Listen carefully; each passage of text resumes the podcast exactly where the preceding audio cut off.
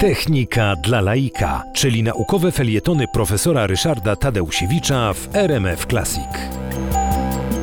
Jest taki żart, e, który wiąże nazwę PET z właśnie małymi zwierzętami, dlatego że znane są zdjęcia, znane są obrazki e, pokazujące, jak za pomocą właśnie metody, którą obecnie nazywamy PET i stosujemy do ludzi, e, były badane najpierw myszki, potem szczury, potem kotki, ale tak naprawdę PET to jest skrót od trzech słów angielskich Positron Emission Tomography, czyli tomografia oparta na efekcie emisji pozytronowej.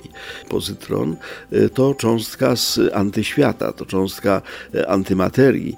Wobec tego zaczynamy dotykać e, obszaru za pomocą tej techniki medycznej, który no, wiąże się z odległym kosmosem, wiąże się z antymaterią, a więc niezwykłą, ale też i bardzo niebezpieczną formą materii.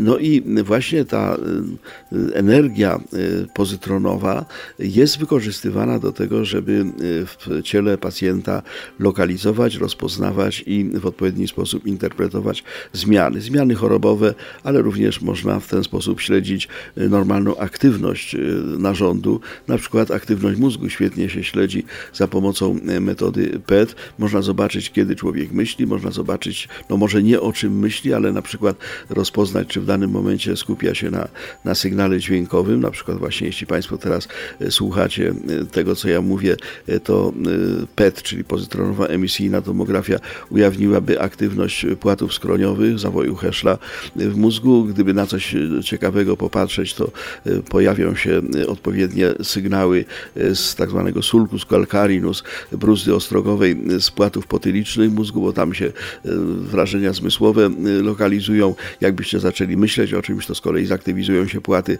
czołowe. To wszystko widać na pozytronowej emisyjnej tomografii. Jak to działa?